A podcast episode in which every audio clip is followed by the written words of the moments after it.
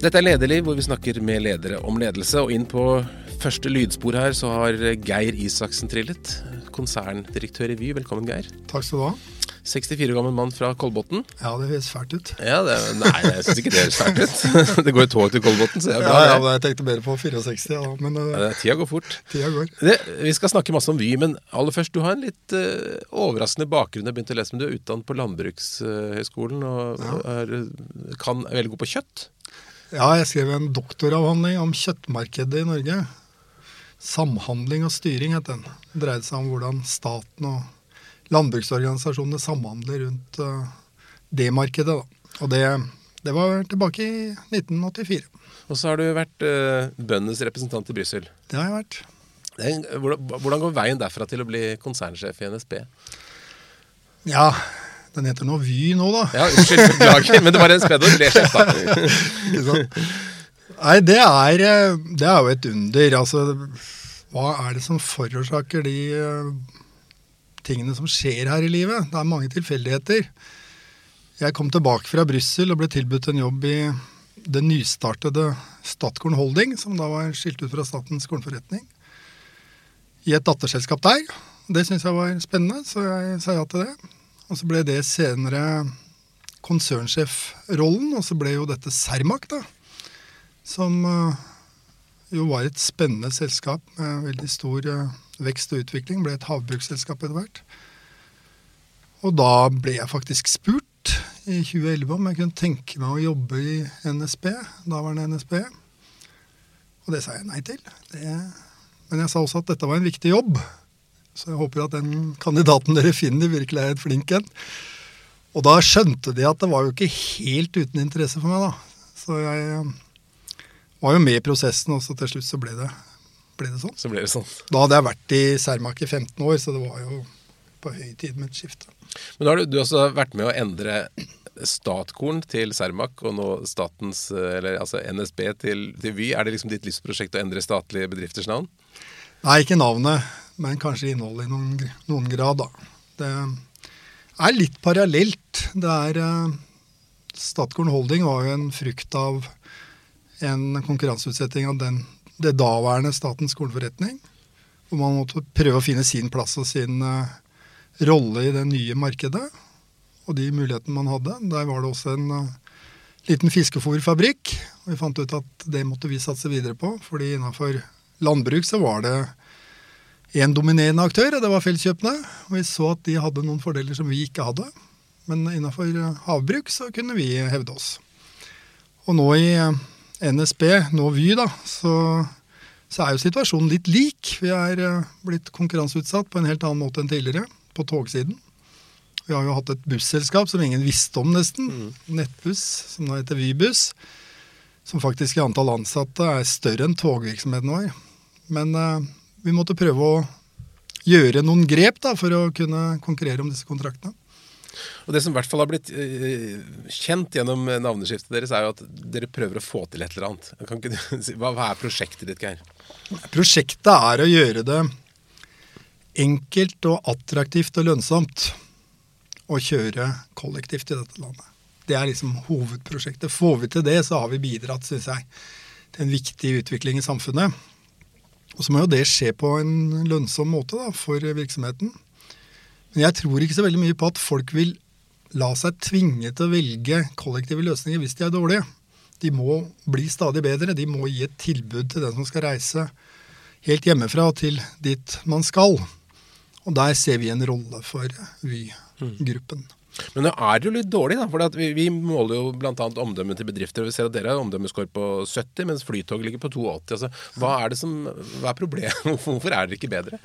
Nei, eh, nå har vel eh, dette omdømmet vårt økt uh, godt. Vi har vel et setback i fjor, men men det har, er noen barrierer der? Det ja, det har, vært, det har, jo vært et fryktelig dårlig omdømme på ja. norsk jernbane, egentlig. Ja med unntak av Flytoget, som har vært veldig dyktig til å levere tjenestene sine til og fra Gardermoen. Men det har eh, blitt mye bedre. Da jeg kom til NSB i 2011, så husker jeg en forside på VG som da kom ja, et halvår før, hvor uh, overskriften var uh, måtte NSB brenne i helvete. Det var en kundeuttalelse. Det var jo på bakgrunn av alle de store forstyrrelsene. ja. Ja, så jeg, jeg tenkte at det kan jo ikke bli mye verre enn dette. Eh, Og jeg syns det har vært en veldig positiv utvikling på mange områder. Så har det jo vært eh, selvfølgelig også veldig krevende. Og en del ting vi ikke har fått til sånn som vi ønsker. Men hva er, altså nå har du bytta navnet. Hva, hva annet vil du gjøre for noe? Det som er eh, planen vår, det er også å gi folk et samlet tilbud, hvor man kan kombinere ulike kollektive reisemidler. Og utvikle det, slik at eh, man kan velge kollektivt og likevel komme på en eh, behagelig og enkel måte helt fram. Og det består egentlig av eh, vi kaller det fire forskjellige reiser. Hvor den første er den smarte reisen. Det skal være enkelt for deg å bestille, planlegge og bestille en reise. Det kan du gjøre på våre digitale flater. Det skal bli Det enda enkelt. Ja, er ja, ikke sant? Eh, og hvis vi lykkes med det vi setter oss fore, så er det da etter hvert tilgjengelig for deg eh, ulike alternativer. Selvfølgelig så vil grunnstammen i dette være buss og tog. Men eh, bybilen, som vi nå har hatt i fire måneder her i Oslo, har jo vist seg å være ganske interessant for mange. En enkel måte å, å bruke en leiebil på, en elektrisk leiebil i Oslo, hvor du kan eh, sette den fra deg der du skal, hente den opp i nærheten hvor du er, og alt sammen finner du på en kart, et kart i appen din. Eh, drosjetjenester, andre mobilitetstjenester, som vi kaller det, som da kombineres med de store kollektive tilbudene. En gang i framtida er jeg overbevist om at vi kommer til å ha mye mer eh, av dette. Mye mer individualisert kollektivtrafikk. Det høres kanskje ut som et paradoks, men eh, jeg tror at folk i mye større grad vil kunne velge sine løsninger. Og hvis eh, automatisering, selvkjørende biler og busser blir en realitet, og det tror jeg det blir, så vil jo dette også være mye mer fleksibelt og tilgjengelig og billigere for folk å bruke kollektiv. Men det som navneskiftet i hvert fall har synliggjort, er at dere har jo ikke kontroll på all verden. Altså Det er eh, noen andre som eier togene og skinnene og det ene og det andre. Har du egentlig handlingsrom nok til å gjøre den endringen du vil? Altså det, en liten visitt innom dette navneskiftet, så var jo jernbanereformen eh, vedtatt i Stortinget i 2015. Nesten uten debatt. Debatten kom da vi skifta navn, og det er jo litt sånn pussig. Hvorfor tok man ikke den politiske debatten da den politiske beslutningen ble fattet? I veldig liten grad så ble det et tema. Men når man så at dette har jo faktisk endra folkets kjære NSB, da. Selv om man eh, kanskje ikke hadde all verdens omdømme, så var det mange som hadde hjerte for eh, NSB. Så ble det oppstandelse. Og det er helt riktig som du sier, det er mange av de forutsetningene som skal på plass for å få til en vellykka kollektivtrafikk som vi ikke eh, kontrollerer. Men samtidig så har vi noen eh, sterke sider, som jeg tror hvis vi bygger videre på dem, så er det i hvert fall et veldig stort bidrag.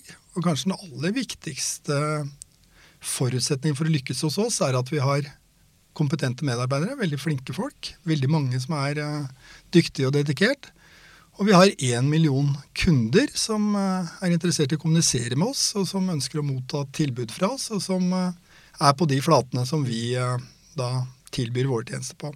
Det syns jeg er et uh, veldig sterkt kort i denne, denne ambisjonen vi har.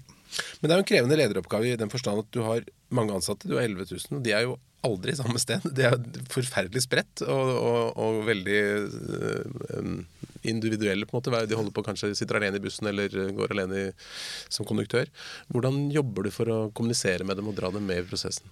Vi, vi prøver å bruke, på samme måte som sikkert alle andre bedrifter, eh, intranettet vårt, eh, andre måter å nå folk på. Jeg ser jo at veldig ofte så er den beste måten for meg å kommunisere med mine ansatte på, er jo det jeg sier i offentligheten. For det blir jo lest. Vi klarte å samle over 3000 av våre ansatte nå på til sammen ti ansattearrangementer i forbindelse med introduksjonen av navnet vårt. Da. Så, så det er en betydelig interesse, og folk er, er veldig opptatt av hvordan det går, da, selvfølgelig. Hva er det du sier til dem for å motivere for å få dem den veien du skal? Jeg prøver å fortelle dem så enkelt som mulig hva vi prøver å oppnå. Hva er eh, strategien, hva er målet vårt?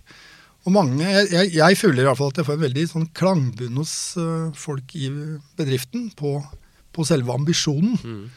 Hva er det vi prøver å få til? Hvorfor er dette viktig for virksomheten? Hvorfor er det viktig for samfunnet? Eh, Det er mange som syns det er eh, spennende å jobbe i en, en virksomhet som har et så tydelig bærekraftsmål. Da. Men en ting er å være enig i det store ordne- overordnede målet, men det å klare å ta det ned til sin, enkel, altså sin individuelle hverdag er jo krevende for mange. Ja, det er veldig krevende, og det er eh, en lederoppgave på alle nivåer. det. Altså, strukturere det slik at det blir enkelt for folk å fungere i hverdagen. Eh, Og det er ganske krevende i en eh, sånn bransje som vi er i, hvor det er 7000-8000 bussjåfører som hver morgen skal ha sin buss og kjøre sin rute. og Når det skjer avvik, da, så må vi finne måter å løse det på som i hvert fall ikke skader kunden mer enn nødvendig. Eh, Og Det samme på togsiden. Det er eh, en stor kabal, og det må være et godt system. Men samtidig så er jo også den personlige interessen og motivasjonen hos den enkelte veldig viktig for oss. Og den måten de møter kundene på, er et uh, avgjørende poeng. Vi har uh, I forbindelse med navneskiftet, eller hele strategiendringen vår, da, så har vi også uh, samla oss om tre verdier i selskapet. Og kundeglede er en av dem. Det er en verdi som jeg ikke ser så ofte hos andre selskaper men som, som slår veldig godt inn hos oss. De andre to det er eh, ansvarlighet og samspill. Og det forklarer også veldig mye om hva vi ønsker å oppnå. Vi ønsker at eh, vi skal levere en trygg og ordentlig opplevelse for kunden. Det skal være sikkert å reise med oss. Og forhåpentligvis også punktlig, og man skal komme dit man skal på tida. Og det er et samspill mellom eh, de ulike enhetene internt i virksomheten, men ikke minst også mot øvrige aktører i kollektivtrafikken. Du har 11 000 ansatte nå. De aller fleste som er innom her, snakker om eh, automatisering, robotisering og færre folk. Hvordan ser NSB ut om ti år? Eh, Unnskyld, vi, vi ut om ti Ja, år? ja. Det er litt Eh, Det er, eh, det er jo veldig vanskelig å gjette på det. Det det eneste man er sikker på, er jo at man ikke vet hva som kommer. Men vi må ha noen tanker om hvordan framtida blir. Jeg tror det kommer til å bli en betydelig automatisering også innen kollektivtrafikken. Det legges til rette for det gjennom eh, både selvkjørende busser, selvkjørende tog osv. Men jeg tror det er et stykke fram dit, altså. Og uansett så vil eh, man i en så kunderettet virksomhet med så mange enkeltkunder være avhengig av de som er i kundefront, har en, eh, et perspektiv på kunden, at det er dem vi er til for. Ellers har vi ingen mulighet til å lykkes. Og det vil skje på ulike nivåer, selv om det da kanskje ikke er en person som sitter foran i bussen og kjører, så vil det være et system som skal betjene deg, og det vil være folk til syvende og sist som, eh, som styrer det. Og det er disse menneskene du er avhengig av for å få en god reise. Hvis vi går tilbake til Flytoget, da, som du ikke har ansvar for, men som, som jo er naturlig å sammenligne med. Hva er det de har klart som har gjort dem så bra? Vi ser på vår, vårt eget omdømme og vår egen kundetilfredshet er omtrent 100% korrelert med punktligheten. Og de har en punktlig og god leveranse. De har eh, klart å treffe et marked av spesielt forretningsreisende, men også veldig mange som reiser på fritid. Eh, og de betjener dem på en trygg måte. Man er, eh, man er ganske sikker på at man kommer fram til flyplassen når man skal, og det er ganske viktig for folk. Men vi ser jo også at vi på strekningen Oslo-Gardermoen har økt veldig de siste årene. Og i hovedsak så klarer vi samme punktligheten på den strekningen, men vi klarer ikke den på alle andre strekninger. Det har litt med infrastruktur å gjøre, og det har eh, selvfølgelig også litt med kompleksiteten i tilbudet å gjøre. Ja, for mitt inntrykk er at forsinkelser ofte skyldes enten toget eller, eller signalanlegg eller skinnegangen eller sånt, som du ikke har ansvar for. Så det er vanskelig å skulle jobbe innenfor det rommet. da. Ja, Vi har nok ansvar for toget, selv om vi ikke eier dem. Dette er jo en slags leasingsystem. Eh, Om du leaser bilen din, eller om du kjøper bilen din, så vil det daglig virksomheten din, så vil ikke det være noe særlig stor Ok, Så det er du som har ansvaret for Vi toget har hver dag? ansvaret for eh, å holde dem ved like, og at de fungerer. Eh, Og så føres det jo veldig nøye statistikker over årsaker til avvik. da. Og Mye av disse årsakene ligger i infrastrukturen. Det har vært eh, særlig signalanlegg eller ulike årsaker som forårsaker at man ikke klarer å gi grønt signal, som man nå sier i Bane NOR. da. Eh, Men eh, vårt samarbeid med Bane NOR synes jeg har utvikla seg positivt, og vi er på samme lag for å prøve å styrke den punktligheten. Men blir du forbanna noen ganger? jeg blir jo av og til litt uh, kaller det oppgitt da, over at vi ikke leverer bedre. Vi hadde faktisk høyere punktlighet for et par år siden enn det vi har i dag. Hva skyldes endringen? Jeg tror endringen skyldes at det er så mange pågående arbeider samtidig, og så mange historiske si, synder som dukker opp. Mm. Slik at Bane NOR har eh, henda fulle med å forbedre infrastrukturen. Eh, jeg er helt sikker på at dette kommer til å bli bedre. Og en del av disse avvikene vi nå har, er jo også villede eller planlagte avvik for å arbeide med infrastrukturen. Disse sommerstengningene, som jo ikke er populære i det hele tatt. Buss for tog? Ja, buss for tog. De er jo en del av en langsiktig plan for å få, få opp kvaliteten. da. Mm. Ja, jeg mener jo at med den ressursinnsatsen vi har på jernbanen i Norge, så bør vi ha en ambisjon om å være helt i toppen i Europa når det gjelder punktlighet. Du har hatt den jobben i åtte år nå. Hva er du mest fornøyd med å ha fått til i den perioden? Hvis jeg skulle lage en skryteliste, mm, så, så vil jeg jo si at eh, vi har levert eh, veldig gode resultater rent økonomisk. Det er en funksjon av at det har blitt en bedre drift eh, i det store og det hele. Og så er det veldig mye av det som da var planlagt før jeg kom. Bl.a. et forbedret rutetilbud som gjorde at vi fikk veldig mange flere passasjerer. Langt større vekst i antall passasjerer enn det vi hadde lagt til grunn. Og det ga oss jo også en god økonomi. Vi har eh, i hovedsak eh, hatt en bedre punktlighet, med noen tilbakeslag. Vi har eh, dermed også økt kundetilfredsheten og omdømmet på togsiden. På bussiden, som jo også er en veldig stor virksomhet for oss, så har vi klart å snu et eh, negativt resultat, et stabilt positivt resultat. Og også en veldig høy kundetilfredshet på disse kommersielle rutene som vi da kjører under eget navn. Mm. Veldig mye av det som skjer på buss, er jo oppdrag for fylkeskommunale trafikkselskaper. Har du gjort noe feil i den perioden som du har lært av? Masse. Du, kan du trekke en, en, en, læring som du har gjort? Altså Det som nok var ganske overraskende for meg da jeg kom, og som jeg ikke helt erkjente fullt ut i begynnelsen, det var jo i hvilken grad man trenger et samspill med, med veldig sterke fagorganisasjoner. Og jeg foreslo jo allerede den første høsten jeg var der, at vi må legge om pensjonsordningene våre. Mm. For de er ikke hensiktsmessige verken for de ansatte eller for bedriften.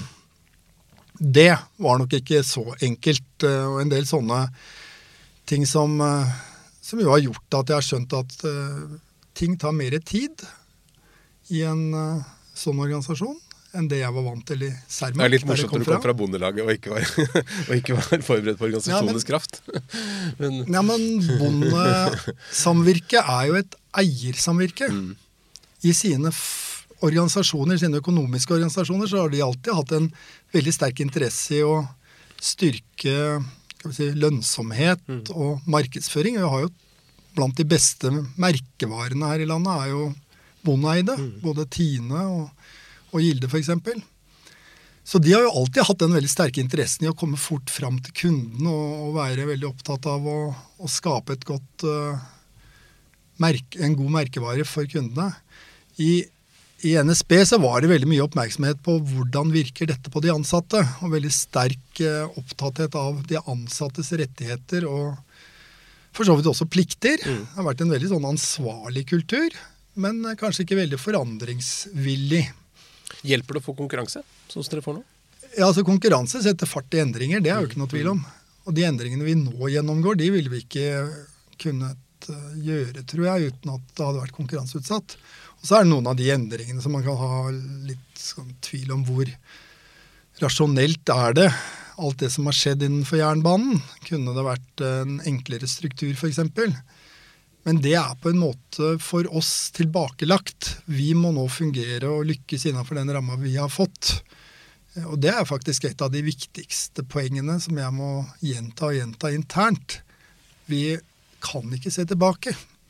For der er vi ikke lenger. Mm. Vi må se framover, og så må vi skape den nye virksomheten. Og tenke på dit vi skal. Så Stordalen, selge de bæra du har? ja, det er, altså, det er, litt det. Ikke mm. bare litt, det er, det er veldig mye det. Den uh, nostalgien kan virke veldig hemmende på nødvendige endringer. Da. Men uh, samtidig så er det noe sunt ved at man har en historie som man også er uh, stolt av og glad i. Men Nå har du vært toppleder i veldig mange år. Har, har, du et klart bilde av hvordan du ønsker å være som leder? Har du noen liksom, mantraer eller læresetninger? Det blir eh, for meg mer og mer eh, enkelt på et vis. Altså Du må skape klare rammer for dine egne ledere. Det er ikke noe vits i å tro at du kan styre en svær organisasjon aleine. Det, det, er helt uh, fånyttes. Og mm. veldig mye av min innsats skjer jo opp imot de som er virksomhetsledere i Først i min egen ledergruppe, og også som støtte til dem da, i, i deres uh, virksomheter. Skape tydelighet, skape forutsigbarhet. Være en leder de kan stole på. Gi klare og enkle meldinger og råd. Mm. Følge opp alle de KPI-ene, da, eller indikatorene som vi bruker for å måle virksomheten vår, hvor gode vi er. Mm. Være litt uh, usentimental på hva vi skal oppnå. Vi må tørre å være tydelige, men samtidig være støttende. Det er, det er noe i samspillet der. altså Jeg tror ingen av mine ledere ville trives hvis ikke jeg var Hvis ikke de skjønte at, eh, at de møter litt krav og for så vidt også motstand hvis ikke ting er med gjennomtenkt eller er helt på plass. Hvordan bruker du tiden din? Jeg bruker tiden i veldig stor grad sammen med medarbeidere. Jeg bruker tiden sammen med styret. Eh, jeg syns vi har et veldig godt styre. Veldig glad for det. Eh, og det skaper en eh, trygghet for meg, og jeg tror det skaper en trygghet for mine ledere også, og de ansatte, at det vi blir enige om, som vi prøver på, det står vi samla bak. Helt nødvendige sånne store omstillinger. At vi ikke begynner å tvile eller vakle i situasjoner hvor vi får motstand. Ja, for du fikk Jeg så noe spennende film av ansatte som gravla NSB, og det var dramatikk og motstand. Men har du, har det liksom, er det tilbakelagt nå? Er dere på, på, skinner? Jeg tror det fortsatt er mange blant våre ansatte som skulle ønske at NSB hadde den rollen vi hadde før. Men uh, min uh, opplevelse er at stadig flere ser nødvendigheten av det vi har gjort. Og kanskje også etter hvert begynner å like tankene og til og med like navnet. Hva, er det noen spesielle opplevelser gjennom både da Cermaq eller eh, Statkorn-tiden og, og, eh, der du er nå, som, som, har formet deg som leder? Er det noen, hendelser som liksom har påvirket deg veldig? Det er eh, tror jeg, viktige erfaringer gjennom hele livet som til slutt gjør at du blir den du blir. da. Men det er en sånn gjentagende erfaring at hvis du jobber seriøst og ordentlig, legger stein på stein, er utholdende og ordentlig, så vil det skape resultater. Det er nesten forbausende det, altså at en langsiktig, god plan mm. gir et godt resultat. Det går an å få til eh, ting hvis du vil det.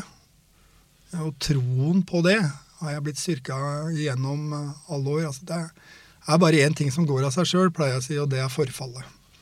Alt annet krever en innsats. og det å plukke ut de områdene vi skal satse på, og være helhjerta i den innsatsen, det tror jeg er helt avgjørende for å lykkes. Men Det som er felles for, for Statkorn Cermaq og, og, NSB Vy, er jo at det er en overgang fra en statlig forvaltningskultur til en mer markedsorientert kultur. Da. Hva er de viktigste grepene for å liksom få til de, den endringen? Et av de viktigste grepene er jo å snakke tydelig til både ansatte og omgivelsene om de resultatene som skapes. Sette mål. Være usentimental på om vi har oppnådd dem eller ikke. Eh, ikke pakke inn eller pynte på. Jeg syns det er viktig at vi er realistiske når vi bedømmer oss sjøl. Og samtidig prøve å skape en positiv holdning til resultatene. da det er viktig, det vi prøver å oppnå. Mm. Det er uh, fint hvis vi klarer å levere et uh, godt tilbud til de reisende. Det skaper økonomiske resultater. Være opptatt av den daglige produksjonen og få det til hver dag. Mm. Tror du at gutta på, og jentene på, på toget og i bussen liker deg? Det vet jeg ikke. Jeg tror noen gjør det. Jeg tror noen misliker meg òg. Mm. Betyr det noe for deg? Jeg uh, har vel blitt litt herda gjennom åra. Jeg er opptatt av at folk skjønner meg, og at de oppfatter meg som redelig og ordentlig. Men det kan jo av og til bety at de er eh, uenige med meg, og at eh, vi eh, også gjennomfører ting som en del av de ansatte ikke liker, fordi vi mener at det er nødvendig. Og det kan jo føre til at de syns jeg er dum. Men jeg har ennå ikke hørt at noen, noen, sier at jeg har lurt dem eller vært uredelig med dem eller drive med fantestreker. Det, det har jeg til gode å høre. Mm. Vi snakket litt før vi begynte opptaket her om endringer i, mediebruk og medievaner. Det har jo forandret seg veldig fra du startet som leder til, til, der du er i dag. Har det påvirket lederskap i noen grad? Jeg merker jo at, øh, og det var fra den dagen jeg kom inn i daværende NSB, så, så var jo den bedriften utsatt for et medietrykk som få andre tror jeg har i dette landet. Det dreier seg veldig mye om den daglige reisen. ikke sant? Hvis det er avvik, hvis det er øh, dårlige leveranser og store forstyrrelser, så blir jo folk eh, sinte. Ytrer seg. Det er mange som mener noe om det. Det er et felles liksom, eierskap til dette. Så vi får en helt annen oppmerksomhet enn det jeg var vant til i Cermaq. Men mm. Cermaq hadde også sine uh, skal vi si, utfordringer i offentligheten. Vi hadde jo mange store saker også der, som uh, fortsatt oppdretts- eller havbruksnæringen er opptatt av. Men det blir en annen intensitet i det, altså når det dreier seg om folks dagligliv. Alle er berettiget til å mene noe om toget? Ja, alle mener noe om både tog og buss. Og, og, alle blir berørt av det, i hvert fall veldig mange. Eh, det er den daglige reisen. altså Du blir jo irritert hvis du kommer en halvtime for seint på jobben. Mm. Og enda verre hvis det er mye mer. Men du blir også faktisk ganske fornøyd hvis uh, hvis det går som det skal. da. Men du har da din langsiktige plan og legger sten på sten osv., så, videre, så kommer alt denne mediestøyen og alt maset. Klarer du liksom å skjerme deg fra det, eller blir du veldig påvirket av hva som skjer? Nei, når vi har tatt en beslutning, sånn som i navneskiftet, da, så syns jeg det var eh, ganske lett å altså, stå fast på det vi hadde bestemt. Jeg syns selve begrunnelsen holder.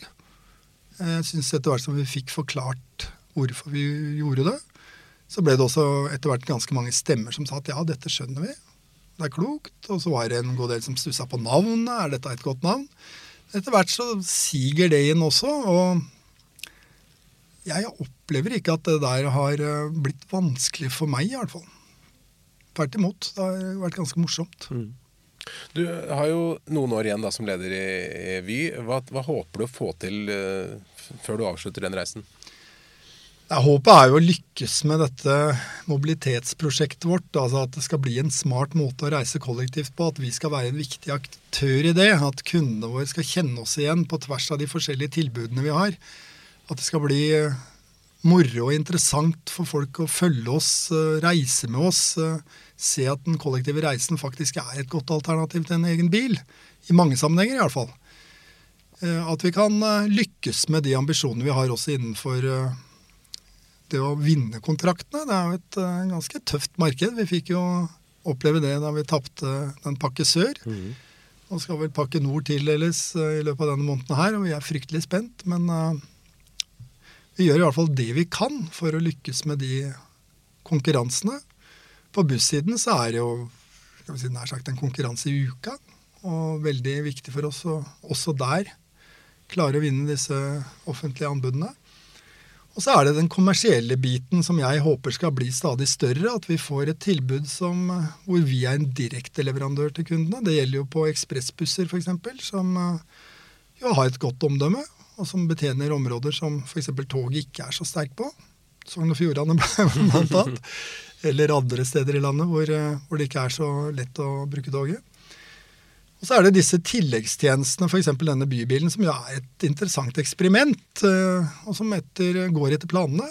Eh, og som jeg syns er en moro og nytenkende satsing. Mm. Kommer det til å være mange flere som reiser med Vy i fremtiden? Ja, jeg tror vi kommer til å reise mye mer kollektivt. Generelt.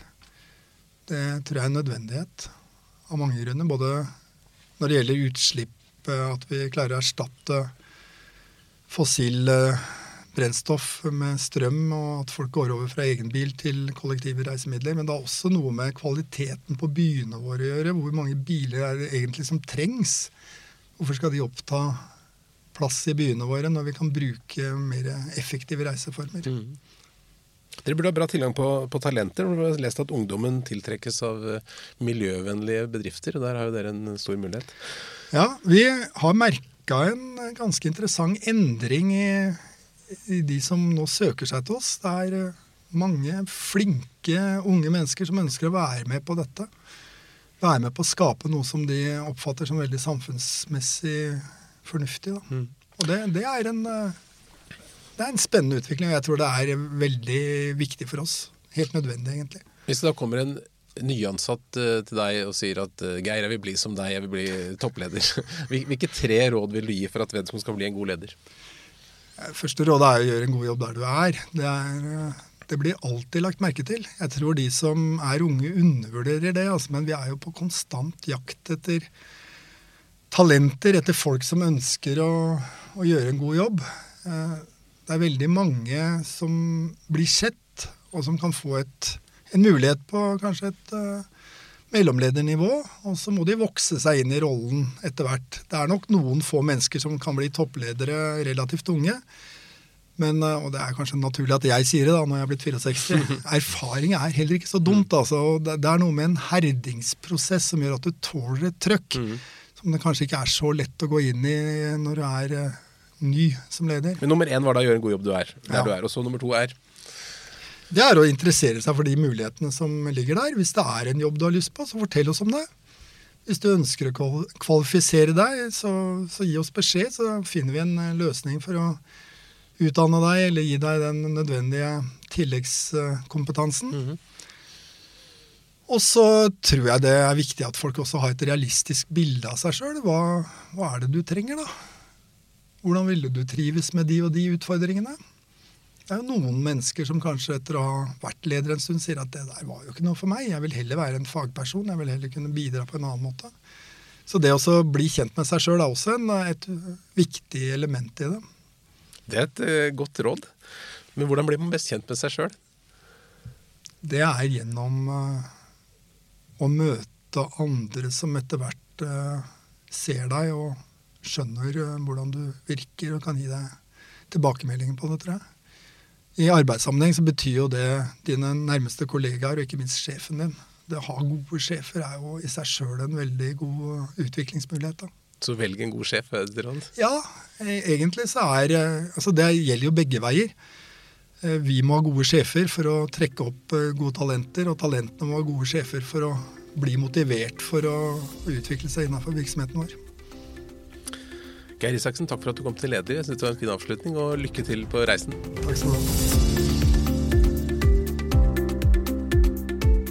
Lederliv lages av kommunikasjonsbyrået Apeland. Det er Ellen Paulsen, Lars Arne Melum, Henrik Njå og meg, Ole Kristian Apeland, som er i redaksjonen. Og du finner oss overalt hvor du finner podkast. Du kan også gå inn på lederliv.no og Lederliv på Facebook. Og vi tar gjerne imot tips om spennende ledere som du har lyst til å høre på Lederliv. Takk for at du hører på oss.